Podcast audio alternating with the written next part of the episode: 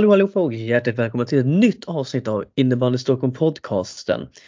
Den här veckan så blir det återigen en intervju innan vi nästa måndag ska försöka få till den här draften vi har tjatat om.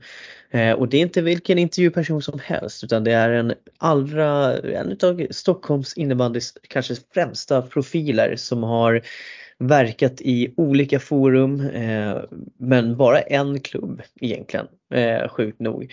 Eh, de flesta av spelarna som idag spelar på seniornivå och juniornivå har säkert kommit i kontakt med den här ledaren vid flertalet tillfällen. Och ehm, ja, det är en stor ära att äntligen få träffa presentera en, en tränare som är yngre än oss alla som har den här podden i princip, förutom Ströbro då. Eh, men som jag har, skulle kunna kalla en, en riktig broder. Och eh, därför så hälsar jag Max Bruce välkommen till podden. Tackar, tackar.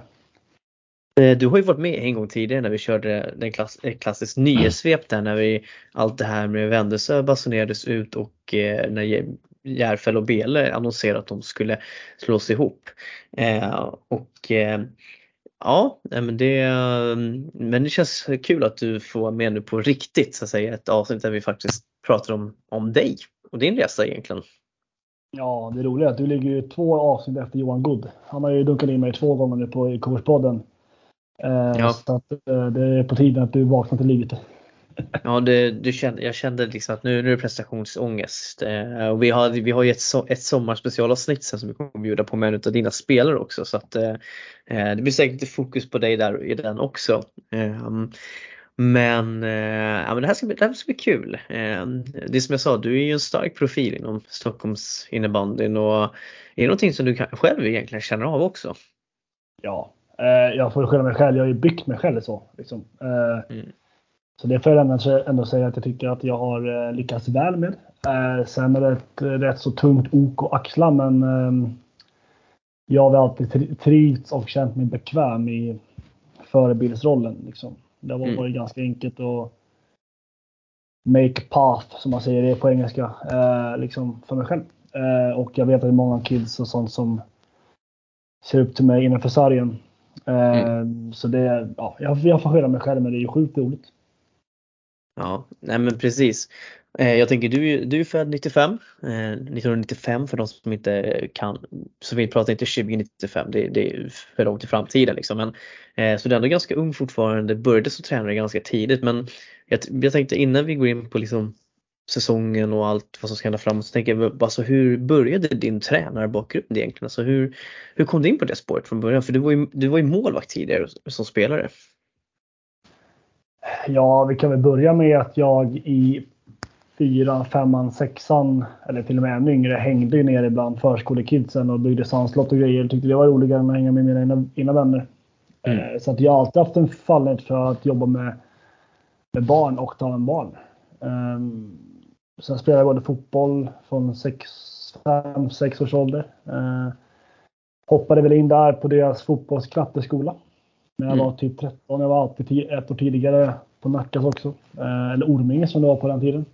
Mm. Sen hade jag ju en, ett par karaktärer runt mig. Figge Olsson bland annat och Mårten Engström och Figge drev ju idrottsskolan på, i rackethallen för barn 5 till 7-åringar. Mm. Eh, på den vägen så fick jag jobb och sen så har det där bara åkt på liksom. Mm. Eh, så att vi kan väl säga från att vara 13 år har jag väl hållit på i någon form av ledarroll. Eh, Sen har det inte varit kanske rent tränarmässigt, men sen när jag var typ 15 kanske så mm. åkte jag runt pojken 97 hela tiden med en stor jävla trumma och massa flaggor eh, med ADHD-gänget på läktaren där. Eh, mm. Sen tog Figg in mig eh, för att jag hade varit med. Så jag fick vara med mm. 97 där bakom kulisserna liksom och det var väl där det startade egentligen. Sen har det gått all in Mm. Sen var det något svart i P1 som ni minns att vi möttes i, tidiga, i unga år. Mm. Eh, mellan Skogås och Nacka. Och sen har det gått extremt fort. Sen så valde ju Figge då att eh, anställa mig, då, men arvodera mig ganska högt. Mm. Eh, för att de ville satsa på mig. Och då var det ju, mm. var man fast. Så att jag har på sedan jag var 12-13 år i alla fall. Mm. Ja, men man kommer ihåg eh, dussen när vi båda coachade ju årgång 01 då när det begav sig. Eh, det var, det var jämna, jämna matcher fram, fram och tillbaka. Eh, och även då, då Anton Sjöberg som tränar nu var ju målvakt då också. Så att ja, man har haft sina duster med Nacka och vi har ju också haft, det var ju några där sen också med Wendelsö när du hjälpte, hjälpte till lite i HI där också emellanåt.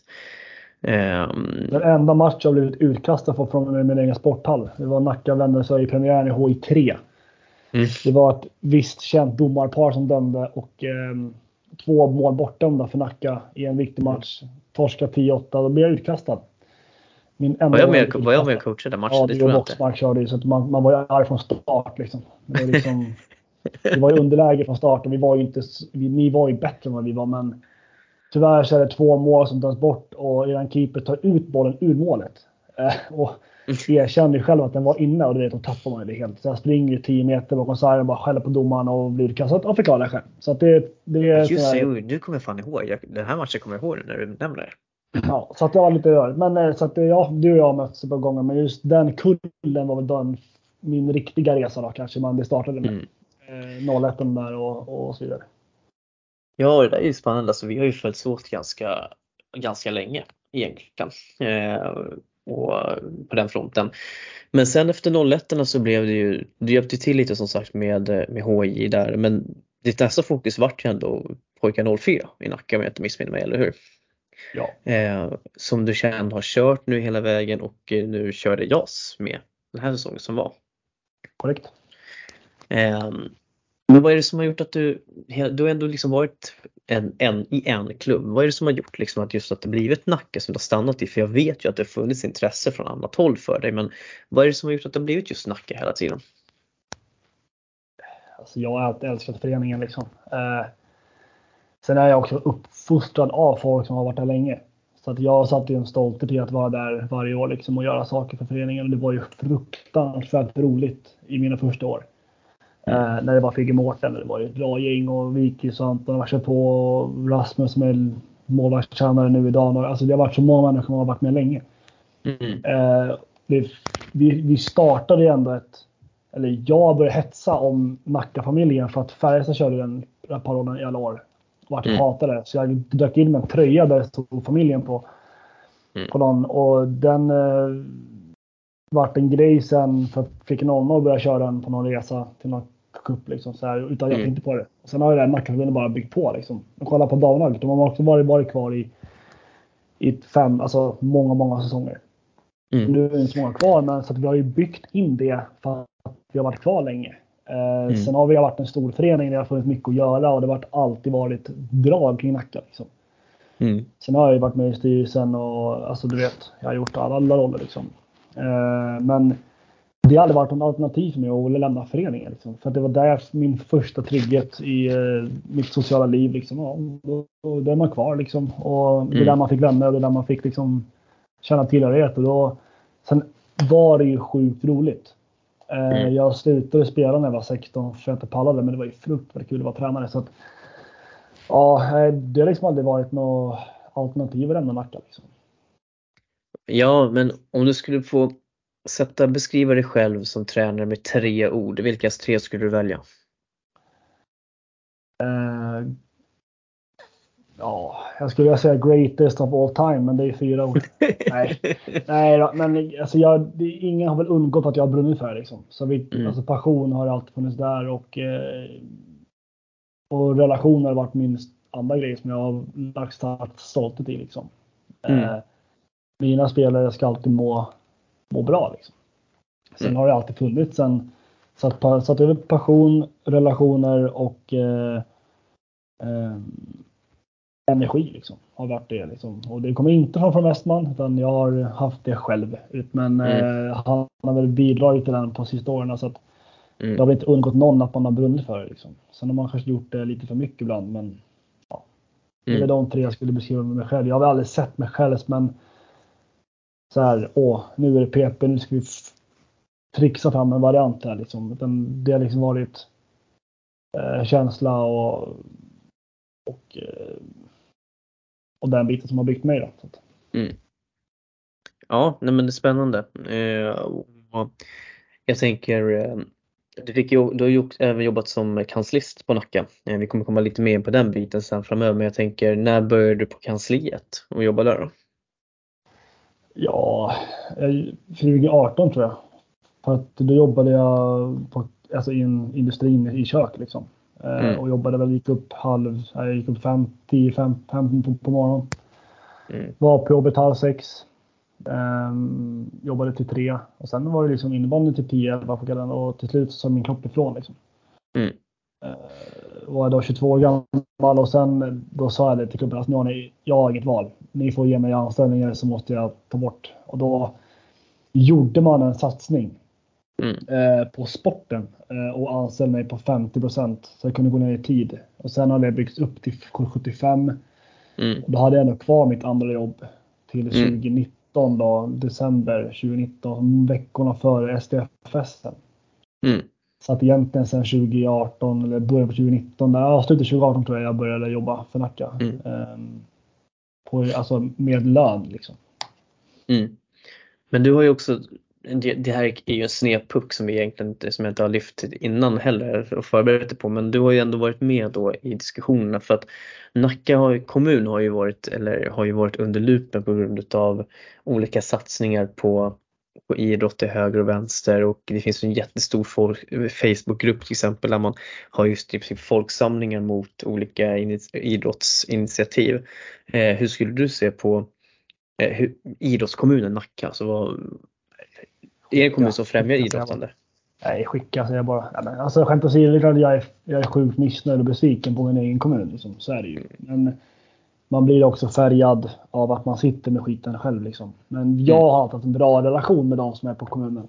Alltså så. Mm. Jag har alltid försökt, jag och Mårten har varit väldigt noga med det. Mårten kanske är mer bråkig men vi har alltid mm. brytt oss om att sköta oss liksom, och hjälpa till mm. och liksom finnas eh, så att vi inte så att vi får saker och det har vi fått. Mm. Sen är det ju så att det är eh,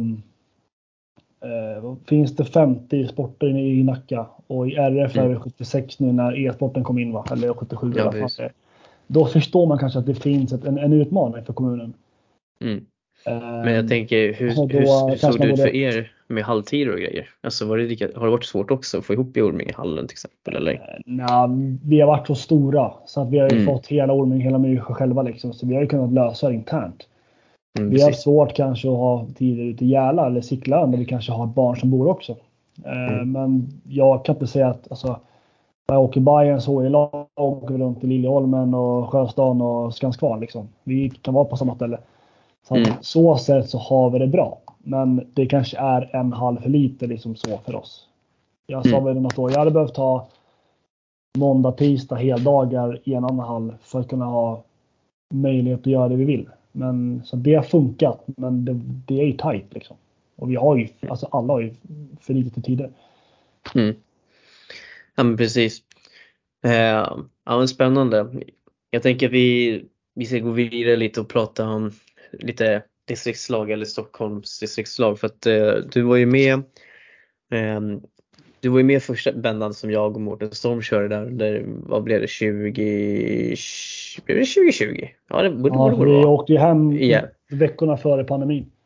Precis, eh, det gjorde vi för att eh, innan allt det där bröt ut totalt och eh, du blev inkastad där när Emelie Frisk vart gravid eller fick barn. Och, Eh, men du hade ju varit med hela svängen där och hjälpt oss att hålla träning och allt sånt där och tog ju ändå faktiskt Stockholms enda medalj som vi har gjort sedan pojkar 00 egentligen.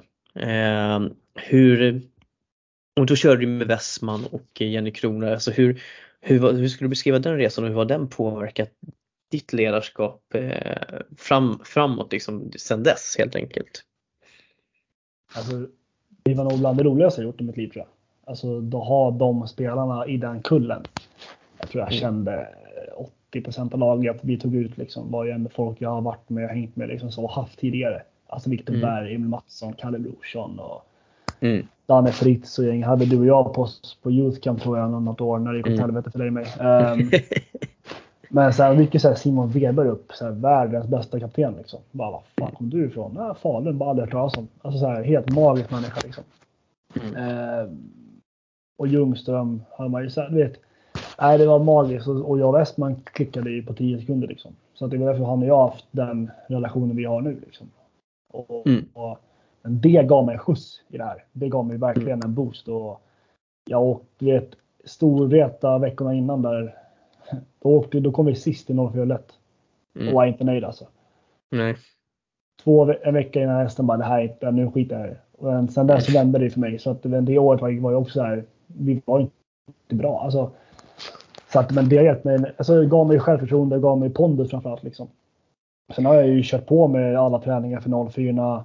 Inte mycket 05 men hela 06 tjejerna. Eh, och de på mm. guld. Alltså att jag har ändå fått vara med på alla resor som har gett medaljer. Jag höll era, mm. typ alla era träningar med 04 tjejerna. Och grabbarna. Mm. Mm. Uh, jag åkte runt i, alltså som ett skållat djur liksom. Uh, så att det, var liksom, det byggde väl mig sista åren liksom. Uh, mm. Så att jag har ju såklart den verksamheten tackat mycket för att man har fått klättra själv. Mm. Ehm, och att få ha Jenny Krona som lagledare var ju fantastiskt. Liksom. Så att, eh, mm. eh, vi tre hade sjukt kul i alla fall. Mm. Jag tror Nej, att ju... Jenny fortfarande pratar om att vi hade jävligt kul när vi var uppe. Ja men jag tror, det tror jag också. Jag menar det märktes, alltså, det märktes, jag tycker att det har märkts i alla fall på eh, ålderskullar man har bedömt liksom, att det, det var en väldigt bra homogen grupp som ni hade. Eh, det var mycket fart, energi liksom och engagemang liksom och rätt inställning från spelare till höger och vänster. Alltså, så att, eh... vilken, vilken headcoach dyker in med en stor stock till varje match? Men det är bara kan det vara Alexander Westman? Då, är, då är det svårt liksom att inte, och inte, och inte tappa liksom. Alltså, som. Sådana. alltså det är ju så. Ja. Halland som ska ut och vinna guld bara mm. ser våran stock och då tappar du helt. Ja, då vinner mm. vi med 9-1 liksom. Ja. Och det, var ju fan, eh, det var ju första året också som man gjorde, körde det här nya upplägget att eh, eh, distrikten, alltså tjej, tjejerna och killarna spelade efter varandra också. Som möjliggjorde att man kunde vara med på läktaren och sitta och titta också. Det var ju det var en jäkla skjuts för att eh, man gillade 04 väldigt mycket också så alltså det trycket som var på 03-kullen, alltså jag ingenting som är i närheten av det än så länge skulle jag vilja påstå. I alla fall, nu var inte jag uppe i Umeå här och såg eh, den resan med 05 men jag vågar ändå påstå att 03 det trumfade allt för där gick man ju verkligen också, vi gick ju verkligen hand i hand hela vägen till semifinalerna egentligen.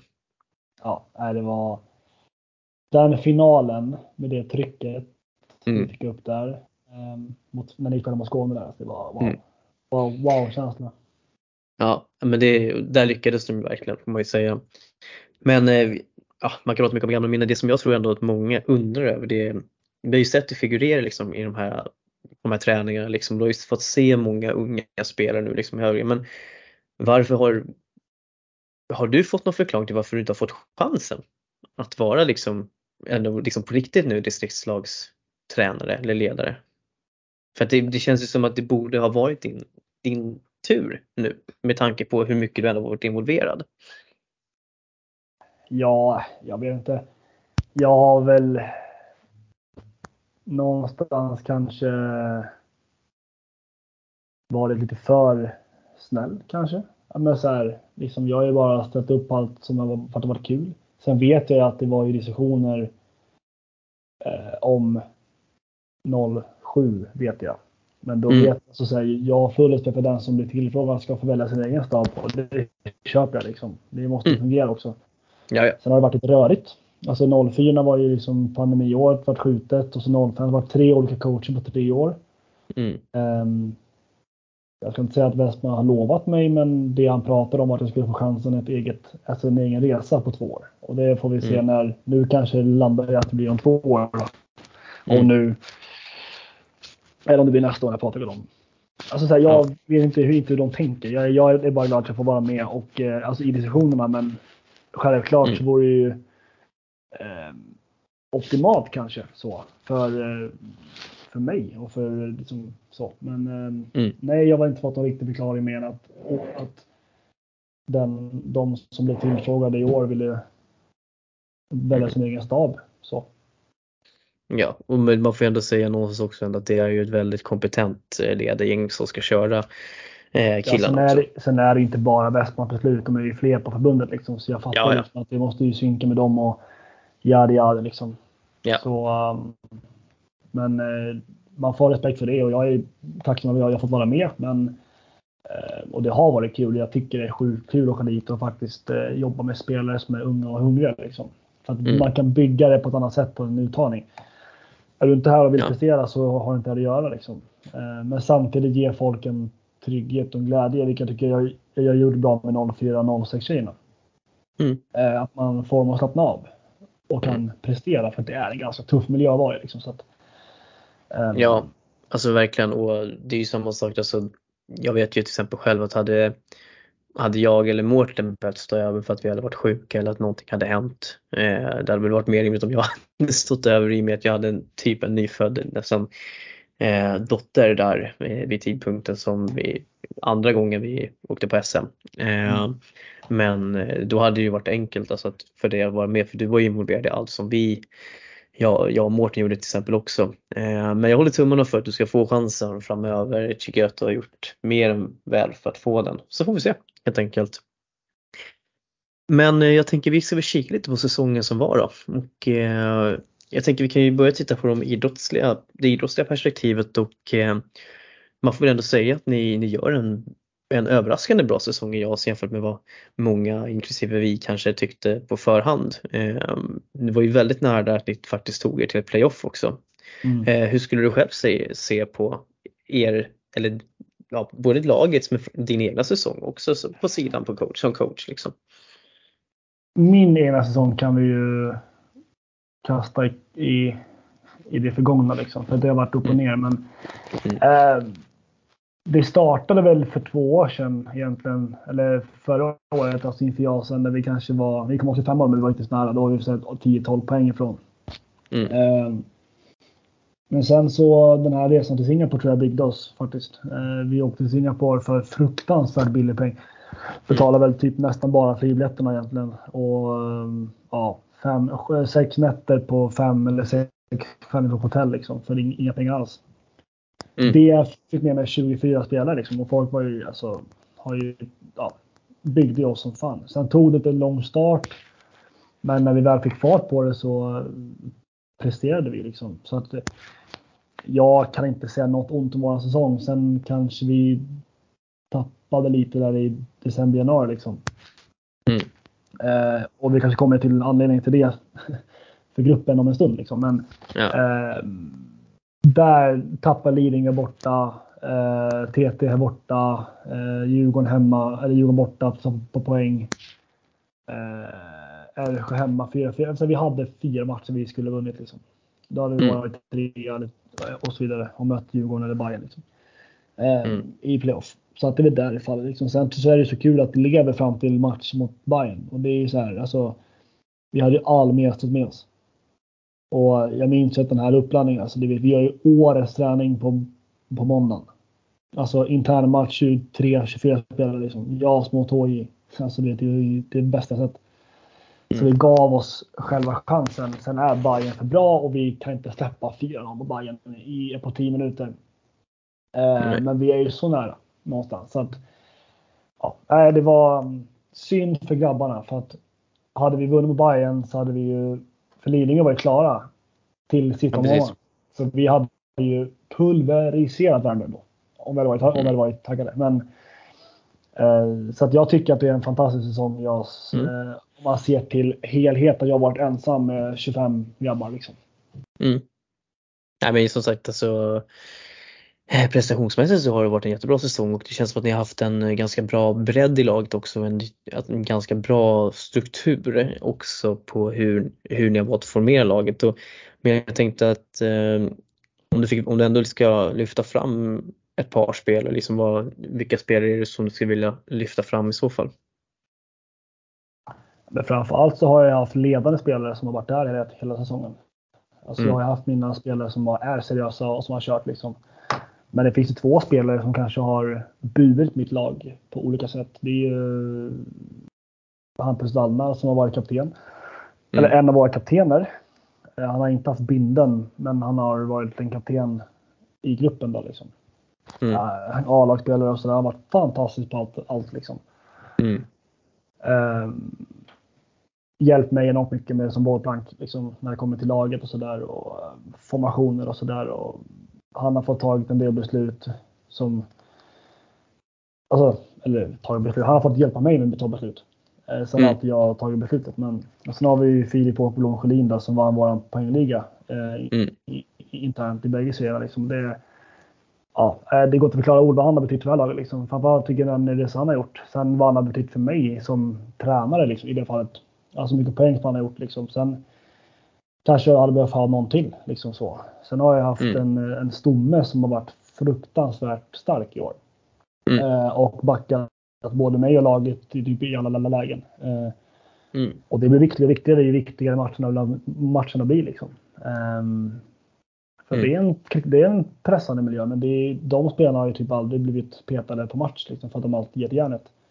Mm. Sen så vet du själv att man behöver ha, det är spelare 16, 17, 18 som kanske är viktigaste i längden. Um, så att folk håller sig ajour. Liksom. Och där kanske vi inte riktigt har haft superbredd. Liksom. Ehm, mm. Men stundtals har även de kört. Ehm, så att det var så lagom konkurrens. Men jag skulle i alla fall vilja säga att Filip och Hampus är de två som har stuckit ut mest och, och burit mitt lag spelmässigt. Sen har vi så här doldisar som Alexander Karlsson som går center med Filip. Liksom. Alltså, mm. Får massa andra assister men det är ingen som ser han liksom. Hur viktigt som helst ja. för gruppen. Mina keeprar har ju varit bra i år liksom. Alltså Karl Elias. Att det är så här, um, mm. Sen har ju vissa spelare, vissa matcher har ju klivit fram. Um, så att det är ja, men de, de två i alla fall skulle jag väl hylla till skyarna. Um, ja. Skulle ha som utmärkt sig. Ja men det är bra namn. Speciellt Wallne har jag hört eh, väldigt, väldigt mycket gott om och eh, jag såg ju honom på eh, när ni mötte Tyresö där den där matchen som var lite tumult men på den livestreamen och det var ju en han var ju otroligt det, det är en spelare man märker på plan helt mm. enkelt mm. som tar ansvar som i båda riktningarna av planen ska sägas också hörs liksom och går i går i front. Så att, eh, och han har ju som sagt med andra spelare eh, jag talat med och i vissa motståndare har lyft honom också som ett väldigt bra en bra föredöme eh, också att ja, gå fan, efter. Kom så han eh, trea tror jag i vår poäng tror jag. Mm, men sånt, tror jag. Som back liksom. Mm. Det är så här, det säger sitt liksom. Och Ja, Filip har väl 35 poäng tror jag i sitt andra år. Alltså han har ju typ börjat på innebandy för några år sedan. Typ tre mm. år sedan. Alltså missat hela hoppen. Ja, det, är det, det är en, en omställning någonstans. Så att, ja, ja. Eh, men jag hade behövt ett par spelare till med fem poäng till så hade vi kanske varit där. Men mm. det, är, det är två helt olika spelartyper men sjukt bra på sina sätt. Liksom. Verkligen. Um, jag tänker jag måste fråga ändå liksom, alltså vad, hur ser du på, liksom, på nivån på den? Alltså jag, jag, tyvärr så kallar ju jag den jag ser som ni spelar i Sveriges sämsta. Eh, för att kvaliteten på botten jämfört med toppen är så brutal eh, någonstans. Men hur, hur ser du på den serien som jag ser som ni var med i och vad tror du om JASen både för Nacka framledes, för du ska ju inte träna Nackas JAS nästa säsong och Stockholm i JAS. Vad säger spåkulan? Först och främst håller jag väl inte med om att våran JAS-serie kanske var historiskt dålig. För att där alla tar poäng av alla utom Värmdö och Nynäshamn.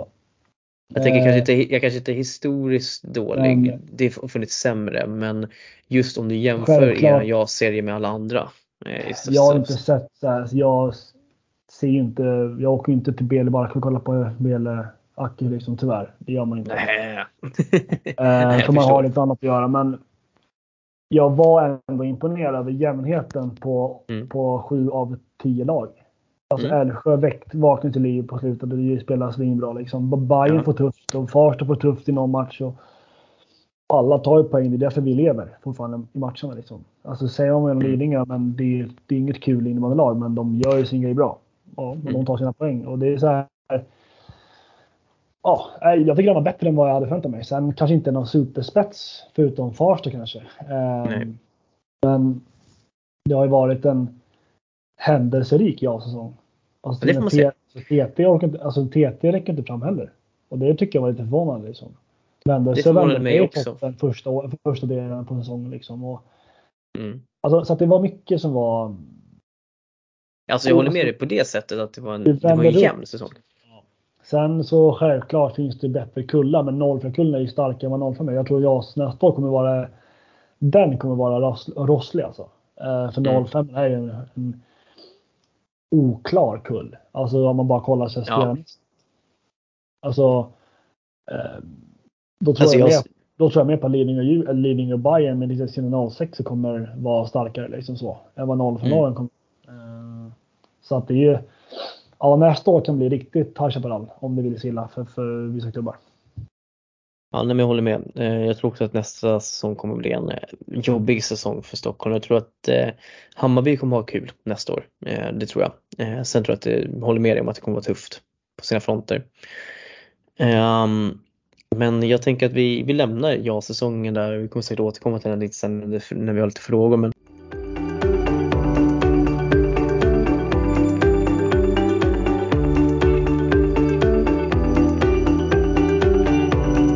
Det var ju en stor sak som hände under säsongen eh, som vi pratade med och eh, vi har inte tagit upp det nu utan vi har ju sparat det för ett sånt här tillfälle. Men du blev ju, du blev ju uppsagd på kansliet eh, under, mitt under säsongen. Eh, och du kan väl berätta lite alltså vad, varför, hur kommer det sig att det blev, att det blev så? För det är ändå ganska eh, ja men det, det är ändå ganska stor grej att få det mitt under säsongen. Det är kanske inte det vanligaste tillfället man gör en sån uppsägning på. Nej, och det kom väl lite som en blixt kanske från himlen. Sett till eh, vad vi hade förväntat oss. Vi satt ändå i, innan sommaren och för ville försäkra oss om att vi kunde, för vi visste hur det såg ut i föreningen. Alltså det var ju tufft efter corona. Mm. Eh, Men då fick vi ju veta att men det är lugnt, ni kan vara kvar. Och sen kommer beskedet i- september att eh, vi har bestämt oss för att göra en förändring. Och jag köper förändringen om det är sportsligt. Liksom. Mm. Alltså jag måste ju, det är en förening och jag fattar att det är ny styrelse och sådär. Eh, sen Mm. kan man väl diskutera varför, hur och, eh, och så vidare. Liksom. Men jag valde att vara proffs ute i fingerfesten och jobba kvar mina timmar liksom, eh, fullt Mm. ut. Medan det vart jobbigare för mina kollegor. Mm. Eh, och det ja, det får man respektera liksom. Men för mig finns inte på kartan att, att Nacka ska drabbas av, av det. Liksom. Men däremot Mm. kan jag ju vara jävligt irriterad över beslutet såklart. Mm. Eh, Det kommer jag nog inte acceptera egentligen fullt ut utan men jag har respekt för det. Men eh, jag kan köpa till viss del att det är ekonomi men arbetsbrist och det man känner så här, ja i en förening finns det aldrig arbetsbrist liksom. Mm. Däremot så har jag full, får, jag, får jag ju köpa läget om de vill göra en förändring. Att Mm. en omstrukturering om vi inte är dugliga för det vi gör. Det är ju som vilket företag som helst. Sen är det ju tråkigt mina 15 år i, i Nacka som ehm, på alla sätt och vis avslutas med en, ett telefonsamtal att tja, vi har valt att se upp dig. Liksom. Ja, kul. Ehm, Ja, det känns ju ganska, det känns ju ganska eh, tråkigt sätt. Eh, inte ens ett, liksom ett möte eller någonting, liksom bara ett telefonsamtal. Liksom. Men vi, alltså det, det känns ju ganska lågt egentligen med den historiken. Och um, jag så här, tänker jag, också, Jag är ingen företagsmänniska. Jag förstår att det kanske fungerar på annat sätt i ett företag och det är väl det som gör att det kanske krockar lite, lite grann i en förening. mm, Eh, men jag verkligen, alltså jag kan ju bara gå ut med huvud, huvudet liksom. Jag har verkligen Mm. gett mitt allt för föreningen och jag må kunna, jag må kunna ta bort mig ur Nacka men inte Nacka ur mig. Liksom. Så. Mm. Eh, så för mig var det viktigt att oavsett mina, min irritation på, i det här fallet styrelsen, mm, personen, alltså så beslutet och rollerna i styrelsen så kommer jag aldrig vara bitter på föreningen. Så. Utan medlemmarna är mina, de jag jobbat för. Så att, ehm, men det var tufft. Det var sjukt tufft. Det var liksom en identitet som försvann. Liksom. ja, men alltså finns det en anledning till att de valde att göra det just vid den tidpunkten? Varför kunde de inte låta ta det här efter att säsongen var klar? Eller före sommaren. Ja, eller kunnat sommaren, precis. liksom. Mm. Ehm, Ja, men jag tror att man ville väl chansa. en stund då. Nya styrelsen ville väl se, eller nya ordföranden ville väl se i alla fall hur pengarna skulle räcka. Mm. Och är det så att det är do or die, ja, ta, kör. Ta beslutet liksom. Jag vill ha Nacka kvar när jag kommer tillbaka liksom. Men jag tänker att det måste ju finnas någon kassör, någon ekonomiansvarig som har suttit och räknat på det där så att det, borde, så att det ska kunna hålla eh, för hela säsongen om man nu säger att ah, nej, men det är lugnt, det här löser vi.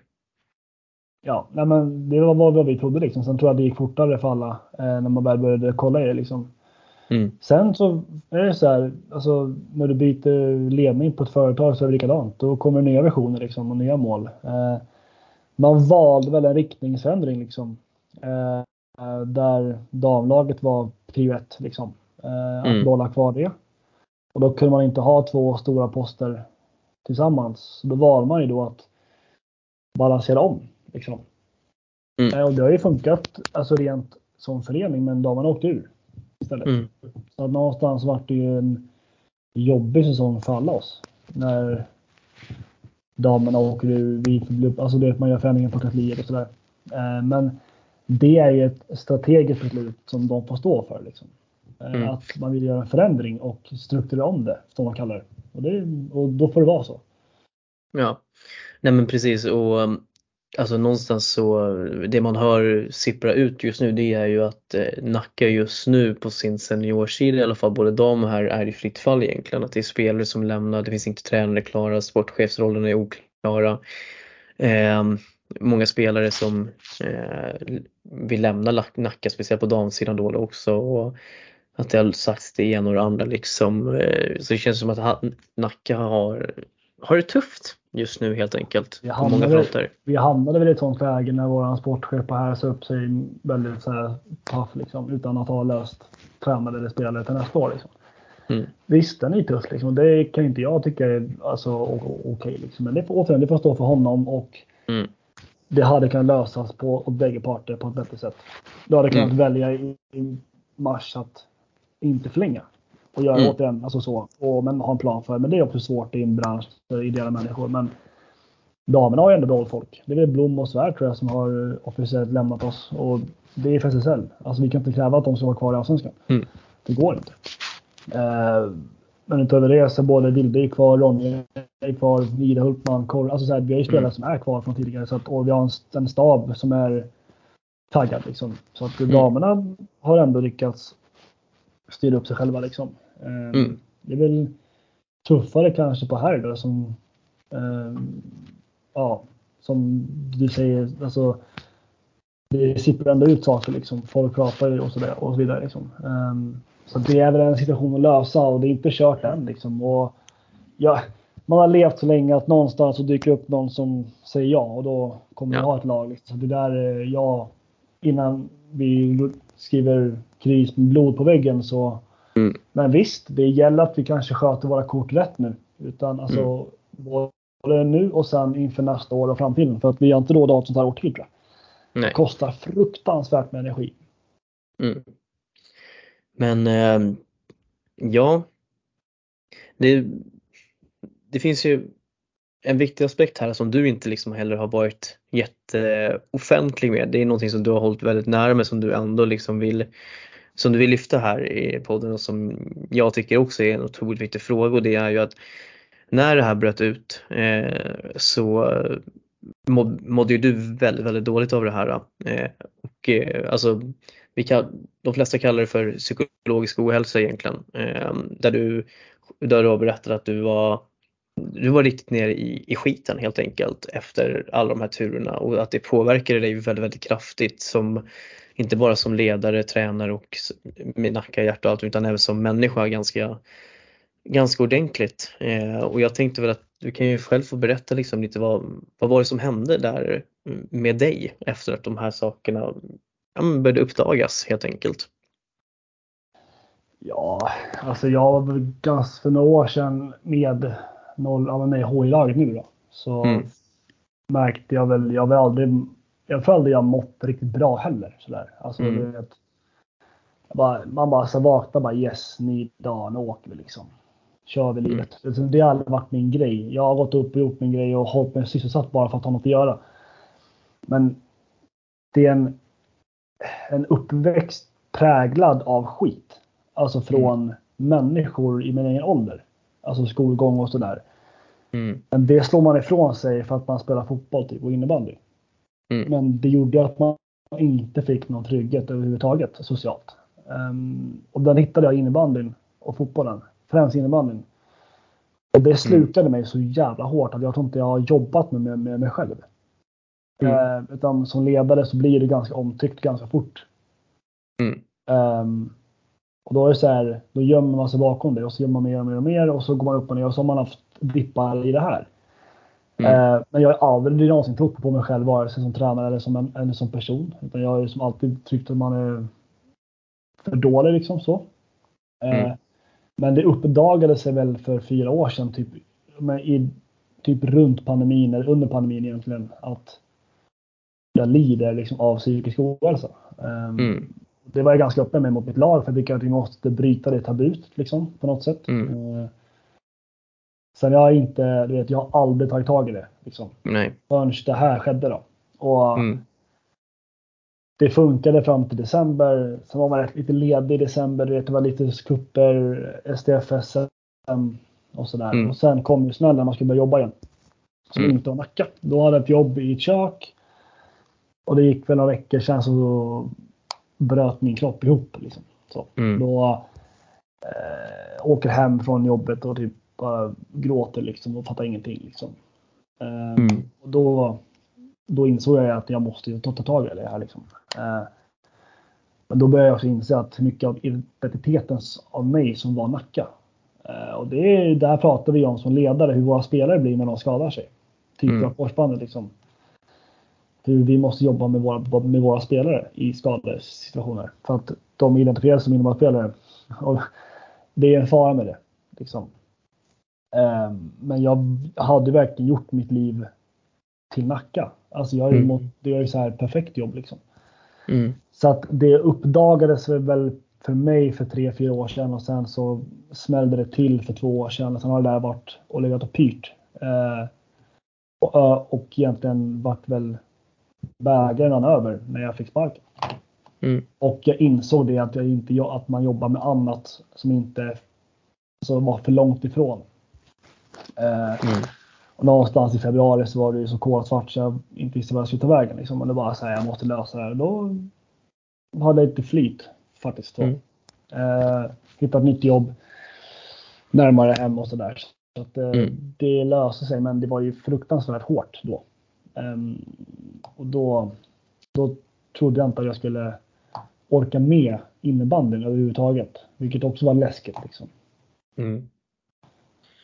Jag känner, jag känner igen mycket av eh, de bitarna, alltså, till, alltså det som du berättade i början. Liksom, jag, menar, jag kan ju bara gå till mig själv. Liksom, jag hade också en ganska brokig uppväxt med framförallt det sociala i min egna ålder också liksom i, i skolgång och allt sånt där. Och det var väl egentligen inte förrän jag blev Eh, jag började spela innebandy själv, det började sent. Eh, det var inte heller jätteoptimal situation i, i, när jag spelade med 92 då. då. Eh, så det slutade med att jag gick ner till 93 eh, och spelade med dem. Och jag kommer ju ihåg liksom att det var ju där liksom någonstans som hela grejen började för mig liksom med att jag blev välkommen in i laget på ett helt annat sätt och Eh, jag fick ha Micke Strandljung som tyvärr gick bort alldeles för tidigt som tränare. Eh, jag skulle säga att det är utan tvekan det är den bästa ledaren jag har sett i inbandy eller i, i idrott generellt kan jag säga. Sättet som han tog hand om alla, liksom verkligen fått alla må bra. Eh, och han fick ju mig att vilja bli tränare också. Och eh, sen så på den vägen var det så, så att man växte ju upp i det sociala, det sociala sammanhang man fick var ju innebandy liksom för att man hade ju alltid Eh, hade ju den med sig. Eh, sen hjälpte det mig ganska mycket sen på gymnasietider och allt sånt där, liksom att kunna någonstans ändå ja, men, ha någonting som jag kan falla tillbaka på och ändå känna mig trygg i sen. Eh, man har ju alltid varit en enstöring liksom och gjort sitt egna race. Jag har ju alltid blivit kallad för lillgammal liksom just för att jag alltid har försökt att eh, vara mer mogen för min ålder än vad jag kanske, eller om jag var mer mogen för min ålder helt enkelt och det har väl folk folk i min ålder haft svårt att acceptera genom åren. Och, eh, men där hade jag turen också, hade mycket bra människor runt omkring mig som jag kunde prata med också liksom, när de här sakerna var jobbiga. Liksom. Eh, ja, och, och det kanske är den största vinsten jag, eller lärdomen jag har lärt mig nu. Liksom. Jag har bara väntat på tok för länge med att prata med folk. Liksom. Eh, Mm. Men just det, alltså, den ångestattacken jag fick alltså efter jobbet liksom, var ju bara så här, det här är inte bra. Liksom. Mm. Och jag skulle säga så här, alltså någonstans för mig så eh, så vart det liksom eh, du nämnde det här om att man har haft svårt att se sig själv som bra tränare och allt sånt där. Men jag skulle ändå säga liksom någonstans att Eh, de sommar, två somrar vi gjorde på Sportscamp till exempel och sen var ju faktiskt en stor del i att jag vågade ta beslutet också att byta klubb från Skogås, min moderklubb till, till Vändelse. Och det var väl då som man någonstans ändå, shit det var faktiskt någon som ville ha mig liksom. Då kanske då vågade man börja säga liksom att jo men jag kanske är en okej tränare ändå liksom.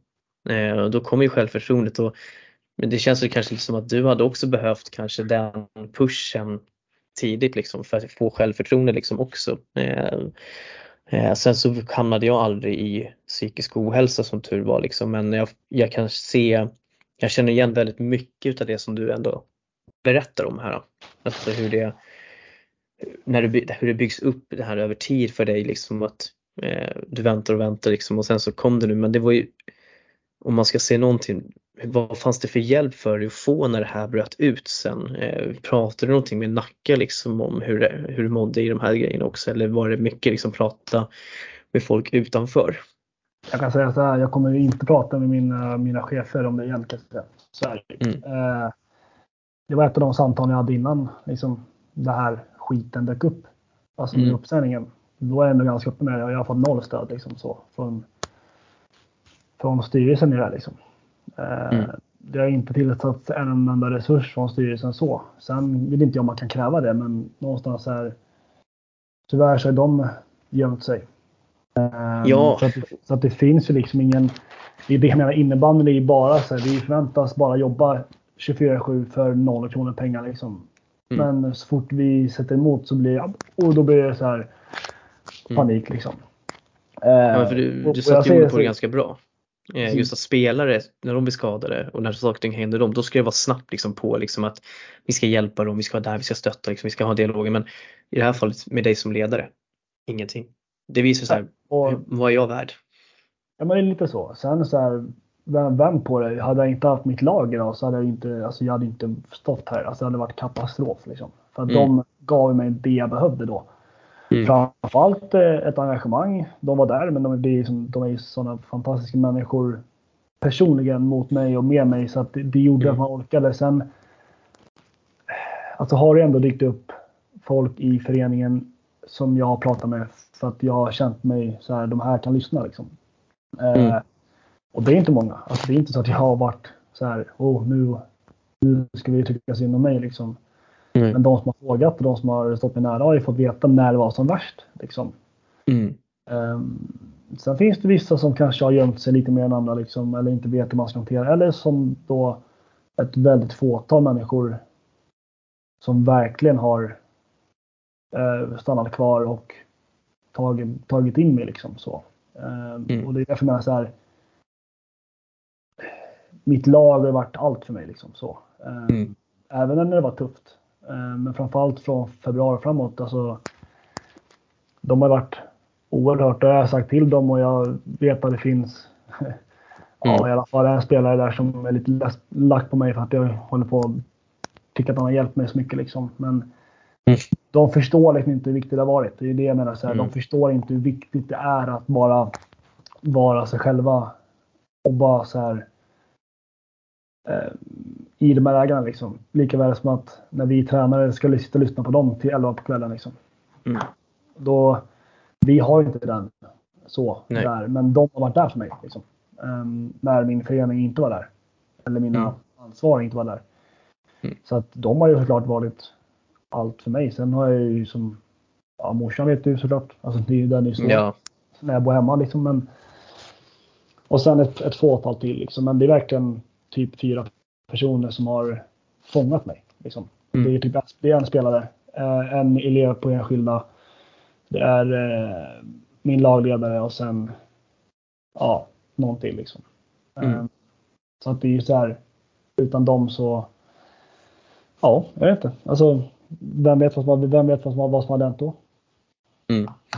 Men eh, om jag ställer frågan, alltså, hur mår du idag då? Nej men nu är det ju Metallica om två veckor. Nej, Ja, alltså, jag ska inte skämta bort det, men någonstans så här, man lär sig hantera det på vägen. Men det blir Mm. verkligen så här, där och då. Du vet, när det rinner över så rinner det över. Du ser liksom Mm. ingenting. Och så, men det som skedde då och att jag Mm. fick annat att göra. Mm. Alltså, jag var med människor som bjöd in mig på allt från skidresor till middagar hemma, öppen soffa, Mm. så du vet allt det här. Och Mm. det, kan, alltså här, det var det jag behövde då. Eh, Mm. Och sen såklart genomgå behandling. Men någonstans Mm. här, det, det var det som var grejen. Och att jag har kunnat bolla med folk konstant. Mm. Och jag, vet, alltså, jag tror inte att min spelare lyssnar på den här podden. Eh, men om man gör det så han vet vem det är. Liksom. Mm. Men samtidigt har mitt lag har funnits där. Alltså, vet, varit så här, man blir glad av att gå in i ett omklädningsrum. Och det räcker Mm. ganska gott att börja vända det. Men nu är det så här. Det har varit roliga saker som har hänt sedan dess. Um, Mm. Kul cup i Falun. Alltså jag är jag vet, nära mina spelare liksom. Eh, Mm. och nu är det sagt med hårdrockskonsert om två veckor och det är eh, studenter och det är eh, summer camps och det är sportscamp och det är liksom. Mm. Och sen är det ju nya äventyr som väntar så att nu mår jag väl ändå okej liksom. Men Mm. man märker det, batteriet tar slut. Och då tar det slut. Ja, men verkligen. Men jag tänker så säga, så det, här, det här känns ju, alltså all diskussioner om psykologisk ohälsa till höger och vänster, det känns som att det är väldigt liksom, det pratas inte tillräckligt mycket om det. Eh, jag vet, man ser ju att det nämns emellanåt, men tittar man liksom snabbt, liksom, gör snabb research så ser man att det är väldigt mycket liksom kring spelares psykologiska ohälsa och sånt där som oftast pratas om. Men just det här med med, hur- med ledares psykologiska ohälsa och, eller tränare alltså generellt, alltså när det dyker upp, det så ju, finns ju ingen som pratar om egentligen. Eh, varför tror du att det blir så? Varför är det så tabulagt att våga prata om det här och varför är det så svårt tror du för eh, när det kommer till just ledare eh, för föreningar till exempel att hantera de bitarna? För jag lovar att det finns säkert flera som har haft problem men att det är liksom mm, ja men folk känner inte att de kan ta det eller alltså berätta om det. Vad, vad tror du? Vi lever i ett prestationsklimat idag. Alltså vi lever i ett prestationssamhälle. Du bedöms efter hur du ser ut, hur du, vilken, vilka kläder, inte överallt, men vilka kläder du bär och jada Mm. jada liksom. Och du bedöms efter hur, vart du bor och Alltså någonstans är, jag har alltid tänkt att jag bedöms efter hur mitt lag presterar. Mm, Inte efter hur många, hur kul de har eller hur många som är kvar. Det är Mm. så. Ehm, Men jag tror bara att vi killar överlag är ju fullständigt urusla på det här. Mm. Och det ligger i våra gener från förr liksom. Mm. Som sagt, jag, jag väntade tills i år innan jag började liksom lufta mig själv. Och det var så skönt när det var som Mm. värst. Att jag har haft, min telefon är full av sms med Mm. de här personerna som har verkligen funnits där. Liksom. Mm. Men det var typ det jag behövde liksom. Bara få liksom, prata av mig liksom. Eh, Mm. Men där tror jag tjejer överlag är bättre. Sen finns det väl saker tjejer också kan alltså, ha svårt med när det kommer till eh, sånt här. Men det ligger mycket på vår, alltså Tränaryrket är ju så mycket mansdominerat. Så jag tror att det vill kopplas nog i min värld till att vi killar är för dåliga på det. Mm. Eh, vi lyfter aldrig det där, vi ska vara så starka jämt och orka med allting. Och jag ska säga, jag har inget emot att ta hand om mina spelare. Alltså jag gör det alla Mm. dagar i veckan. Och Mm. det kan ge mig saker, att man får vara där för dem. Ja. Det är som du har pratat om, det här man bygger rel- relationer. Mm. Men när jag lyfter det för föreningen, då är det Mm. noll. Alltså det händer inte ett skit. Ja, det, är- det, jag tycker det, Det, det, jag tycker det är svar, illa. deras svar till mig var så här, fan du borde göra mindre innebandy liksom. Men vad fan, det är inte det jag behöver höra nu liksom. Det är ju det, är det, som, det, är det som är det, det är det du greppar efter. Det är det som gör att du faktiskt ändå kan må bra. Det är det som gör att du kommer kunna ta dig ur den här biten. Eh, jag, tycker, jag tycker det är ett otroligt beklämmande agerande faktiskt av, eh, av dina ansvariga, helt ärligt, i Nacka. Att man inte tog det här på ett större allvar. Eh, vad sänder det för signaler liksom ut? Alltså det skapar ju ingen trygghet heller. Eh, att okej, säga- så fort du behövde hjälp så fanns de inte där efter alla dina år också i föreningen. Jag säger, jag säger inte att alla måste bara vända sitt liv upp och ner för min skull. Men någonstans så här, Nej. folk man pratar med, deras första reaktion är så här, ta hand om dig själv. Okej, jag Mm. har en hobby, det är innebandyn liksom. Mm. Alltså så här, låt mig i alla fall göra det så jag får kul liksom. Mm. Ja, då ska jag göra mindre sånt för att gå på, på krogen med. Men alltså, vem ska gå dit? Alltså, så här, varför ska, Ja, alltså, du vet, i, i, i vår värld, så här, det här med att ta hand om det. Ja, vad ska jag göra istället? Alltså, så här, någonstans, det är inte bara pang bom stämpla in. Liksom. Eh, Mm. Då blir det ju så här, att det inte bara ansvarar så, men folk i, runt mig i föreningen, deras första reaktion är så här, gör mindre innebandy. Jag eh, Ja. Mm. ja, men yes, vi kör på det. Alltså, precis. det är en process, tro mig. Och det märkte jag ju då i februari när när det hade gått en stund från att inte jobba längre för Nacka. Eh, Mm. Att det var tufft, tuffare än, än vad jag trodde. Och då, men jag tror mycket ligger på att vi killar överlag är för dåliga på det där. Ehm, och vi måste, och jag ville bryta det mot mina spelare. Sen om jag Mm. lyckas med det, jag har i alla fall varit öppen, de har stöttat mig i vått och torrt. Mm. Eh, men sen om det hjälpt dem på väg, ingen aning. Men mitt mål är i alla fall att där och då bryta tabut. Liksom. Eh, Mm. Jag tror att vi måste vara fler som gör det. Sen är det såklart resurskrävande. Liksom, och, men kolla på hur utsatta vi är som ledare. Ja, men jag, absolut. Jag skriver under på allt du säger.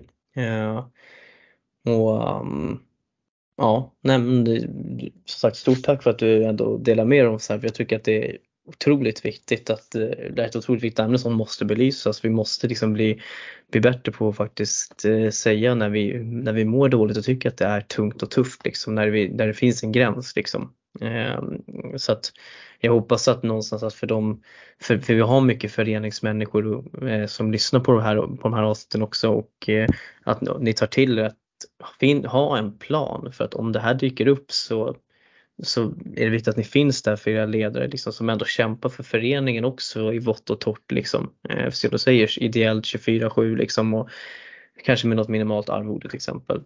Eh, så att se till liksom, att finnas där för alla som går, gör, arbetar för att föreningen ska må bra. Men det är ju så här, det är ju det är deras barn. Någonstans. Alltså, vi jobbar för och med och eh, Precis. åt. Liksom. Och då är det så här. Jag har haft fantastiska föräldrar runt mig. Alltså det är inte det. Men det kostar på att i den miljön vi lever i. Ja, ja, absolut. Alltså, och det är så här. Det finns alltid åsikter och det, det kommer alltid finnas. Men det är deras barn som Mm. vi jobbar för. Och då är det så här. Vi borde ju tillsammans då hjälpas åt att skapa miljön. Ja. Så. Och då tänker jag att i mitt fall så vart det väldigt påtagligt när jag inte jobbar kvar. Och det är ju såklart ingens Alltså det är ingens, ingens fel. Det blev bara så. Men det var påtagligt hur ont det gjorde. För mig. Mm. Och då var det ingen som fanns där egentligen och fångade upp mig. Nej. mer än de, de jag nämnt då såklart. Um, Precis. men det. Eh, ja, nej men eh, som sagt, stort tack för att du delade med dig. Jag tänkte vi ska gå vidare här.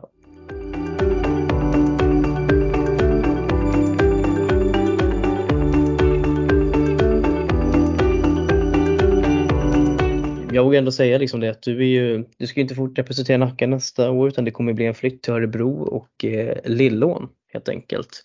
Eh, och det blir Lillåns herrallsvenska lag också som du ska representera som, som tränare och eh, hur, eh, ja men berätta alltså vad, vad, hur kommer det sig att det blir Lillån av alla, av alla lag man kan välja på?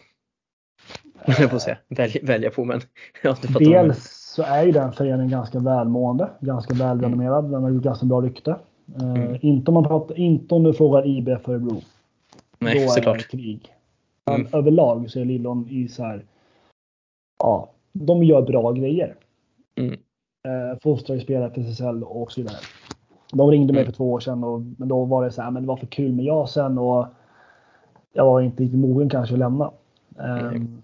Men då har jag varit där för att hålla kontakten. Liksom. Och det är ju så här, föreningen funkar ganska likt som vi funkar. Man jobbar Mm. mycket med mjuka värden och värderingsstyrt. Liksom. Och jag litar Mm. på de som är där. Jag har fått jätte, jättebra bild av de som jobbar där. Eh, Mm. Sen så eh, har jag inte fått någon fråga från Nacka om senior på de, de senaste två åren egentligen. Så att nu när Mm. jag är klar med JASen så fanns det ett läge för mig att flytta. Mm. Eh, sen gör ju det ont i och med att som jag förklarat hur viktiga mina spelare har gjort har, har varit Mm. för mig. Liksom. Men sportsligt är det här rätt steg för mig att ta. Och en ny start och allt det här. Och att det är Lillon är ju bara kul för de ska ju upp i nya allsvenskan och sådär så det är ju pang på direkt. Mm. Men de är, jag vill lägga på dem i en vecka nu att de ska börja publicera. För jag skrev på Mm. min kontrakt för tre veckor sedan så de ligger inte efter mina vitsar. Så det är officiellt, det är klart. Mm. Och jag har väl en, jag flyttar väl ner i början på augusti liksom. Så att, men Mm. eh, det ska bli fruktansvärt kul att få testa sina vingar i, eh, i Allsvenskan. Ja men verkligen kul. Eh, Jag tycker det är fullt välförtjänt också med allt det som du har gjort liksom och så tror jag att det här är ett jättebra Alltså det är ett stort steg att gå från junior JAS till herrallsvenska men om det är någon som kommer klara det så tror jag att det är du. Och, ja men det ska bli, får vi en, en anledning till att följa Lillån lite närmare nästa säsong då så kanske vi får ta en liten Eh, får, vi, får vi ha liksom ett, en ny eh, intervju sen efter ett år i Örebro och se vad, vad kan vi ta för lärdomar av det helt enkelt. Eh, och, men eh, ja, Lillån alltså, det ja, bra klubb absolut. Som du säger, jag fostrat många fina spelare upp SSL. Eh, är nog faktiskt ett lag som eh, kommer att kunna vara konkurrenskraftig också i all herrallsvenskan. Eh, Örebro känns också som en ganska bra innebandystad eh, generellt, eh, är min uppfattning. Eh, men hur, hur ser du på dina egna framtidsutsikter här nu då? Liksom, är det, eh, känner du liksom att det här kommer, hur länge är, är kontraktet på Lillån skrivet? Är det två år eller ett, 1%. ett plus ett? Ja men då så. Och, um, hur, men är ambitionen, vad är ambitionen sen efter att det här kontraktet är klart? Alltså, vad, är det, vad är ditt mål? Vad är det du siktar mot? Liksom? Ehm, Först och främst att inte åka hem efter ett år. Alltså, eller innan, Mm. alltså innan mitt kontrakt går ut. Så, eh, Mm. Av flera skäl. Men sen är ju så här. mm, Drömmen är väl att åka hem till Nacka någon gång. Liksom, och Mm. kunna göra Nacka great again. Liksom, om man får vara Mm. lite Donald Trumpig. Mm. Ehm, och sådär. Men eh, nu är det bara att gå för det liksom. Alltså, Mm. Jag gör ett plus ett här uppe hoppas jag och sen att vi- får spela nya allsvenskan och sen får vi se. Alltså, jag Mm. har ju inget emot att synas i de aspekterna liksom. Det har du märkt. Nej. Eh, Precis. så att jag har inget emot att liksom är en spotlight på mig och oss liksom för att vi gör bra saker. Liksom, så. Eh, sen får spotten gärna vara på Nacka. Att den liksom fostrar även tränare också. Och inte bara Mm. spelare. Så. För det är ändå det vi har jobbat med. Mm. Eh, men det fan var det Jan Andersson som sa det att han jobbar aldrig med han, han jobbar aldrig karriärmässigt. Han jobbar bara liksom så här. Tar det som det, alltså någonstans som det kommer. När han gjorde Ja. sina tio år i Gärdsgården liksom innan han tog över Halmstad liksom. Mm. Och det är ungefär där jag också är egentligen. Men Ja. vi får se. Man ska aldrig säga aldrig och det kan bli ett år, fem år. Det är ingen som vet. Eller så går det tåget vidare. Det får vi se. Ja, att, men jag tänker, är nu får jag ändå två timmar hem och jag får en timme och en kvart till Karlstad och lite hockey igen. Så att det är så här. Risken är att jag fastnar nu och tycker att det är skönt att kunna kolla hockey. Ja, för de som inte vet så är ju Bruce en riktig eh, Färjestadare här. Han älskar, älskar ju att leva för Färjestad. Eh, sen. Sen, sen kan vi alltid ifrågasätta vissa klubbval såklart som man väljer att heja på. Eh, men eh, Jag får, nog, jag får nog bränna min Degerfors-keps tror jag nu när jag ska bli coach i Örebro. Jag vill inte ha Oj, Uttalas ja, den- mig. ja, ja, den får du ju nog eh, bränna nog tror jag. eh, men jag tänker så här, varför eh, hur kommer det sig att du ändå väljer att lämna Stockholm? Liksom, och, för, då, för mig så vittnar det om att vi tappar en av Stockholm innebandyns största profiler någonstans till ett mycket mindre distrikt. Eh, och alltså, för mig så blir det liksom ett, också liksom lite varningsflagg liksom för konkurrensen. Alltså, eller hur? Alltså, alltså varför har Stockholm så svårt att konkurrera med till exempel Örebro i det här fallet om att få din signatur? För jag tycker väl att det skulle vara givet att du skulle få chansen i något lag här i, i Stockholm liksom, utan att ta nästa kliv. Eh, så att eh, det är ju otroligt tråkigt på det sättet att eh, det är Örebro som kommer att få, få Max Bruce här framöver. Ja, alltså jag är en innebandyarbetare. Så. Jag brinner för sporten. Men jag har också insett att jag brinner, jag brinner för mina spelare. Eh, Mm. och så, så att jag tror att ehm, jag måste nog ta mig utåt för att växa. Liksom så. Mm. Och kunna komma hem och faktiskt typ våra P09 eller P10, de åldrarna, de kan få mig om två år. När jag liksom har fått Mm. ny energi. Liksom. Om vi bara tar det. Sen är jag sjuk. Ja. ödmjuk för uppgiften. Att det kommer vara ett jobb. Jag måste utvecklas nu. För nu märker Mm. jag, har hållit två träningar. Alltså jag har hållit träningar i måndag liksom. Jag kommer Mm. att utvecklas på alla sätt och Mm. vis. Ehm, och det är inte bara att göra liksom. Mm. Eh, men helt ärligt så kolla på Stockholm. Vad har vi i Stockholm? Vi har ju knappt en spelare som vill, vill tävla liksom. Mm. Alltså, precis. kolla på våra 05 i Lillon bara i och med att jag är där. Alltså, Mm. Om man kollar på Pixbos akademi liksom. Alltså de är ju Mm. tränade som djur. Våra killar där, det är roliga att vara med sina polare. Jag har haft Ja. några spelare som har varit på varje träning. Liksom, men det är liksom Stockholm måste börja ta tag i sin, i sin elit eh, som, som distrikt och eh, vi måste börja. Alltså min kollega nu, han är 01 i Lillelång liksom. I Mm. Allsvenskan. Min kollega i båset. 01. Mm. Alltså, vi skiter ju fortfarande på oss i Stockholm när det är unga tränare. Ja. Alltså, så här, och vi håller fortfarande på med att han är för ung för det. Men vadå för ung? Alltså, kan du din grej, go for. Liksom. Ja, Spelarna får, bara, får bara köpa läget liksom.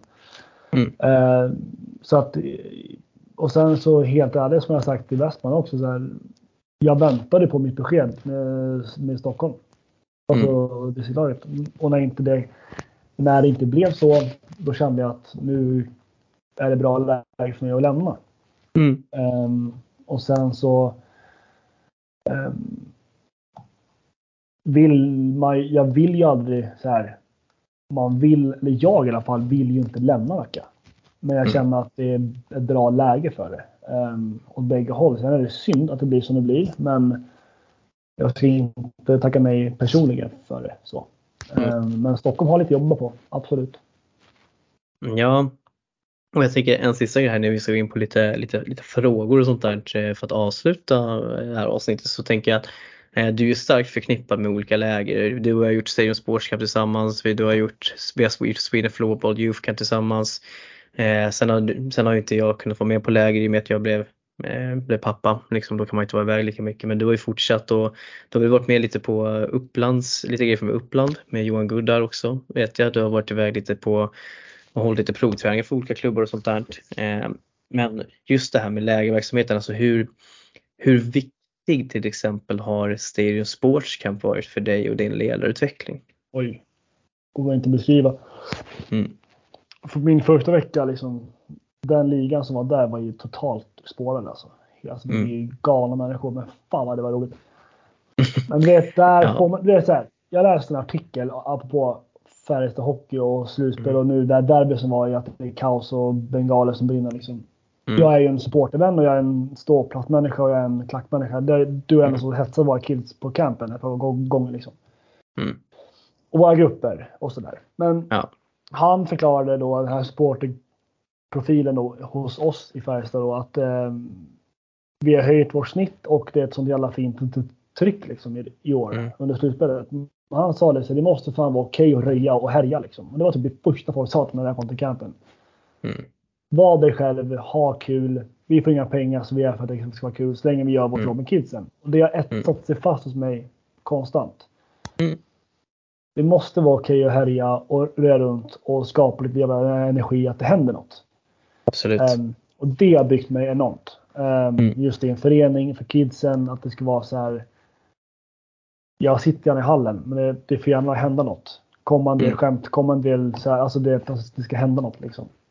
Eh, Mm. Så det har varit enormt viktigt för mig. Eh, inte kanske sportsligt de senaste åren, men ändå så här, hålla 10 pass på en vecka, det lär man sig av. Ja. Här på Modär då när vi körde då var det verkligen så här, men när eh, klockan slog 11 då, då dansade råttorna på bordet så att säga. Jag hade ett år när du och jag tävlade, vem skulle vara uppe längst? Åh herregud, påminn mig inte alltså. Det var väl Torsdag de, vecka två där. Fy fan, var slutkörd alltså. Herregud. jag tror att det var, Men jag det- gjorde tre men det- veckor också. Ja, men det, det året jag bara, då bara så här, nej, vi kan det inte, vi behöver inte ens tänka på vad vi gör. Och det var så här skönt på ett sätt, men vi fick jobba med det andra, liksom. ta hand om yngre, lära dem hur det funkar och sen återigen visa att vi kan leverera även fast vi är uppe till fem eller fyra på morgonen. Ja. Tre i alla fall var vi väl uppe till, men Äh, Måns, den, för, den vecka ett, det, den sommaren, alltså vilket, alltså det är nog fan en, det är nog en av de bästa sommarveckorna jag haft liksom, i hela mitt liv. Alltså. mina gamla spelare på campen är ledare idag. Ja, alltså så här, jag, ska jobba, jag ska jobba nu med Ludde Norlestål, TT's kapten, som jag hade för Mm. 40, 40 år sedan på campen. Mm. Så då åker vi i samma bil ner. Men jag... bara, bara det är så här, det, alltså, det där är kul alltså. Mm. Men jag tänker så här, du ska få chansen här nu. Eh, jag tänker vi behöver inte gå in på de andra lägren så mycket för jag vet just att just den här har varit väldigt viktig för dig, just den här, det här lägret. Men så jag tänkte att du ska få chansen att göra lite reklam. Varför ska man eh, varför ska spelare vara med på Sport, Stadium Sports Camp innebandy och varför ska man bli ledare framförallt på Stadium Sports Camp innebandy? Spelare ska vara hos oss för att vi brinner för det vi gör. Alltså, mm. Om folk bara förstår mycket, hur lite pengar vi får på Stadium Sports innebandy och att vi ändå är mm. där varenda år vi är där för att vi brinner för det. Um, ditt barn kommer få överdoserat med energi av vad som är där. Så länge vi är kvar, så länge jag är kvar och vi är kvar. Vi har ändå en stabil turka kvar. Mm. Ledare. Jag har aldrig varit på läger som spelare, men som ledare. Jag var så nervös innan, men det var mm. det bästa jag gjort. Sen är det så här, det är inte för alla. Du måste ha någon ådra i det att du tycker det är kul med lite sociala sammanhang i vissa former. Mm. Uh, men du växer av det något oerhört. Alltså du har 20 barn på dina axlar, du är vaken mm. 18-19 timmar om dagen. Um, alltså du får jobba med dig själv. Så att jag ser och det kanske inte är superfokus på innebandyn. Det, är mer, det blir en helhetsgrej. Så, mm. Vi är bra tränare men det ska vara ett jävla hålligång. Och vi dansar, och vi sjunger och vi tjoar och vi leker. Ja. Och det bygger människor och det bygger framförallt dig själv. Mm. Ja, nej men väl talat. Eh, och så då tänker jag att om, ja vad blir det väl, sex eller sju år då, då när det är dags för min son Charlie eh, att köra Steel Sports Camp. Kan vi räkna med att Max Bruce är på plats då? Jag har sagt att jag ska hoppa av under fyra år i rad men man kommer tillbaka. ja, det kommer inte hända. Eh, du är en institution där. Men ja, tiden börjar ticka iväg här. Vi har hållit på ett tag så jag tänker att vi ska damma av lite, lite frågor får vi se hur mycket vi, vi hinner här helt enkelt. Har det kommit in några frågor? ja, det har det gjort här vet du, ska du veta. Um, vi kan börja med lite, lite skönt, uh, börja lite, lite snyggt. Uh, hur stökig blev lagfesten? Aj, aj, aj. Den där vill man nästan veta vem det är som ställde den.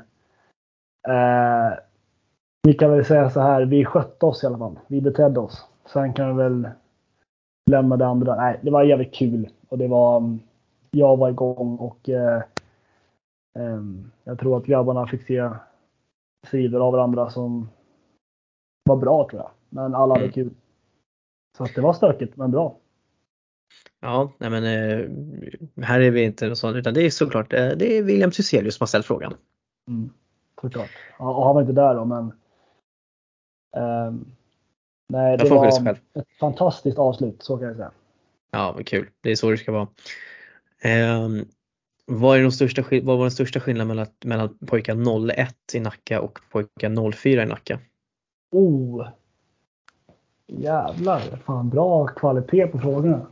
Um, 01 hade jag från att jag var ung och mm. outvecklad. Ehm, 04 fick mig när jag var i min prime. Typ. Mm. Sen så håller jag 04-kullen som starkare. Så. Mm. Um, men det kommer alltid vara ett speciellt band till fler, Jag har fler spelare som var drivna och bra i 04. Mm. Uh, och det här HI-kullen och en större bredd i den här kullen. Mm. Sen hade jag Simon Lindahl som gjorde vad han ville i, gamla, i 01-laget liksom. Så Adam Silvan. Men där hade jag fem spelare det hängde på.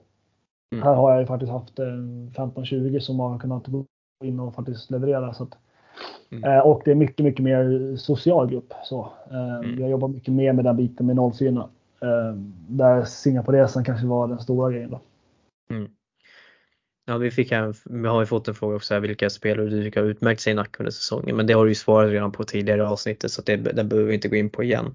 Eh, men eh, vem är det som är bäst i Nacka enskilda? Du skrattar här varje Ja, fråga. men eh, det är kul att de ändå hugger till lite grann. Eh, frågorna tycker jag. Uh, nej, men jag väl, kan väl på rakan säga att Max Quick är väl den som ligger längst fram. Uh, spelar i Bayern idag. Uh, om man ser till individuellt. Mm. Sen är det ganska jämnt skägg mellan han och Melvin som spelar hos oss då. Eh, fast de är olika byggda liksom. Melvin Mm. är ett kraftpaket.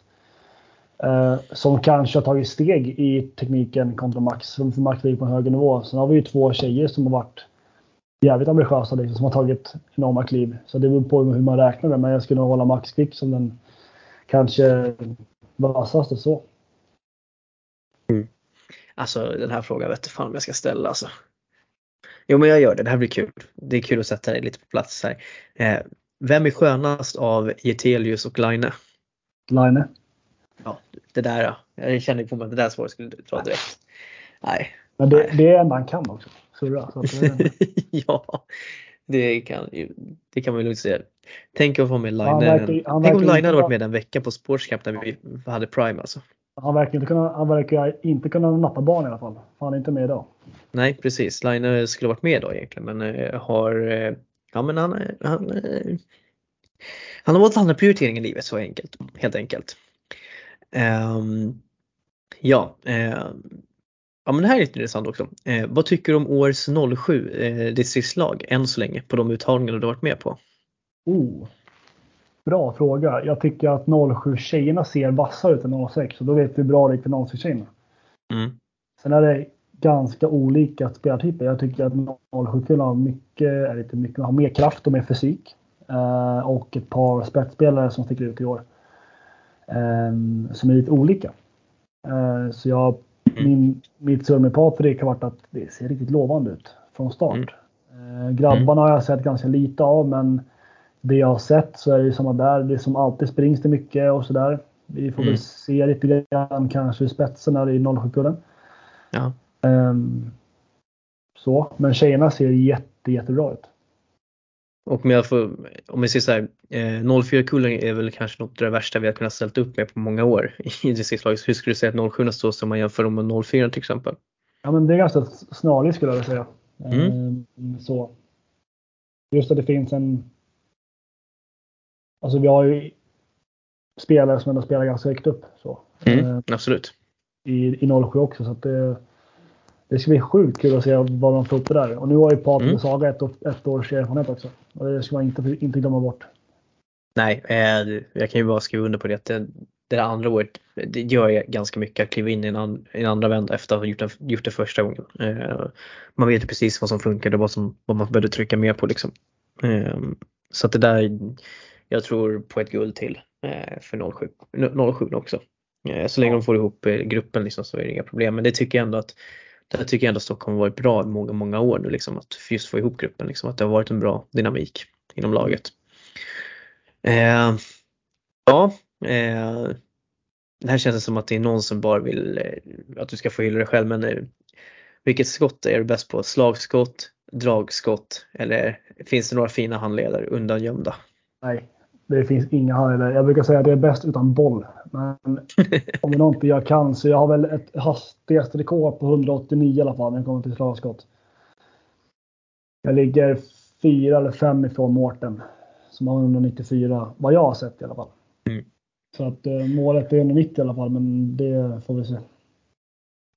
Ehm, ja, spännande. Hur, som målvakt också, 189. Jag vill Ja, bara påpeka exakt. det. Exakt. Ehm, och eh, jag kommer ihåg när du till med, du fick ju något in, ett, du fick ju för fan till och med utav Svensk innebandy ett inlägg på Instagram Johan. när vi hade Youth Camp. Eh, när, du, när du fick visa lite skottskills eh, också. Han la upp den på fel, hem- han la upp den på fel sida. Så jävla roligt. Ja, precis. Chef, riktig chefen då. Då blev du viral. Um, Fasiken ska nu kommer jag ihåg, det var, nu ska vi hitta rätt, tillbaka till rätt fråga här. Eh, det var, så jag skulle ta följdfråga på det där. Eh, vi kan ta den här. Eh, vad har du för fix? skriver någon här, men jag tänker att du, ja, men, när, ni släpper, när ditt lag släpper in mål, vad, hur, jag tror att de undrar vilken reaktion du har när ni släpper in mål. Förmodligen för dålig.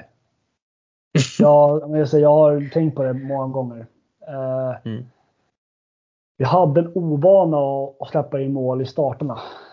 Mm. Eh, och det var alltså så här. Då um, har jag en tendens att kanske vara lite väl så stressad efter kort tid. Eh, så att eh, jag brukar kanske re reagera mer än vad jag kanske borde göra. Mm. Precis. Här har vi en som undrar om vad du tror om Nacka JAS nästa säsong men det har du också varit inne lite på så att jag tänker att det behöver vi liksom inte fastna heller vid. Vad har jag det? Ja Jag men du berättade där att, det- att det såg lite, nej det kanske var distriktslaget som du pratade lite om men sen fan dra en vända då. JAS överlag skulle vara rörig sa jag. Ja Eh, nej, men eh, kör lite Nacka JAS då. Vad tror du om Nacka JAS nästa år? Med tanke på att vi har gjort resan nu med 04. Mm.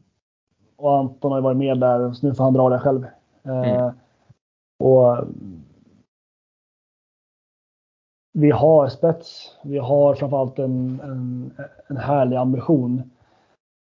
Ja, det ska bli kul att se vad vi kan nå med det. Liksom. Men vi kanske är ännu mer sugna på USM upp med 0708 där. För där tycker jag att vi ska gå vidare till steg 1 eller steg 2 i alla fall. Det tycker jag vi har Mm. ett internt, eh, inte krav kanske, men en intern förväntning på oss i alla fall. Mm. Men jag tror vi kan, inte skrälla till någon topp 4, men vi kan i alla fall ta poäng Konkurrera. med oss. Ja, det tror jag. Jag tror vi kommer... ehm, ja, det, jag håller ett varningens finger för oss. För Nacka Mm. nästa år. I både USM och JAS. Jag tycker det är helt fantastiskt att du fortfarande, trots att du ska lämna, kör vi och oss på Nacka. Det, det visar hjärtat alltså. Ja. Eh, eller det är, det är ri- riktigt fint. Jag tänker du ska få sista frågan här för sen kommer vi inte hinna ta något mer i och med att eh, annars blir det på tok för långt avsnitt. Men eh, vem är din största ledarprofil? Eller inte profil utan ledarförebild heter det. Jag måste nog ändå säga Mårten Figge.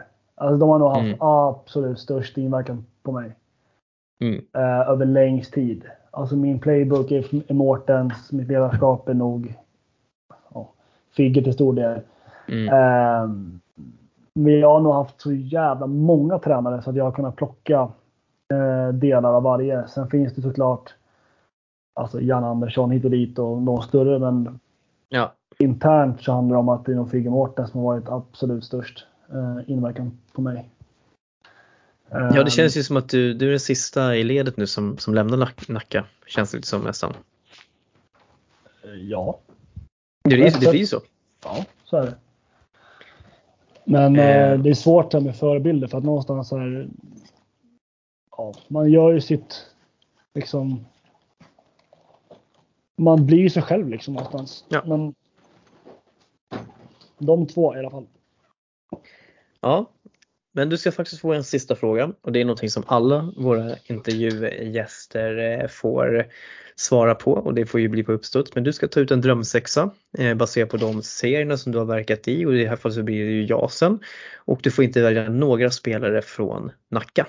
Mm, jag misstänkte det. Sen jävla Djurgårdsregeln. Nej, skämt åsido. Det skulle vi kunna lösa på något sätt. Eh, målvakt har jag inte ens här, har dålig koll på keeparna, men jag tycker faktiskt Bayerns keeper har varit bra i år. Eh, och egentligen är det väl hugget och stucket mellan Dante och, och Krippa där. Eh, så jag får väl Mm. dra till med att Dante får väl bli mitt val där. Och det är Mm. hate was gonna hate, men så är det. Ja, men det är, Mm. det är din, det är din eh, sexa så att eh, Sen är det ju såklart Torberg, Djurgården är ju, är ju bra. Mm. Som på backen där. Mm, när han börjar spela back. Och 07, ung kille. Ehm, så det är väl en back jag skulle vilja, vilja ta in där. Ehm, Mm. Och sen eh, har väl jag alltid haft en lite sån här förkärlek. Jag hade ju, tycker Hugo Grass stack ut när jag hade han, eller han, när jag körde 04 träningar i distriktslaget. mm, Så här kraftfull, spela enkel liksom. Inga krusiduller. Så Farsta har ju några bra, backar men sätt in han där bredvid Torberg så har du ett kraftfullt backpar i alla fall. mm, Eh, sen måste man ju ta med Forsman. Alltså han gör ju fan vad han vill i, i ma- i matcherna. ja, Eh, väl värd chansen i SSL nu med Kalmarsund.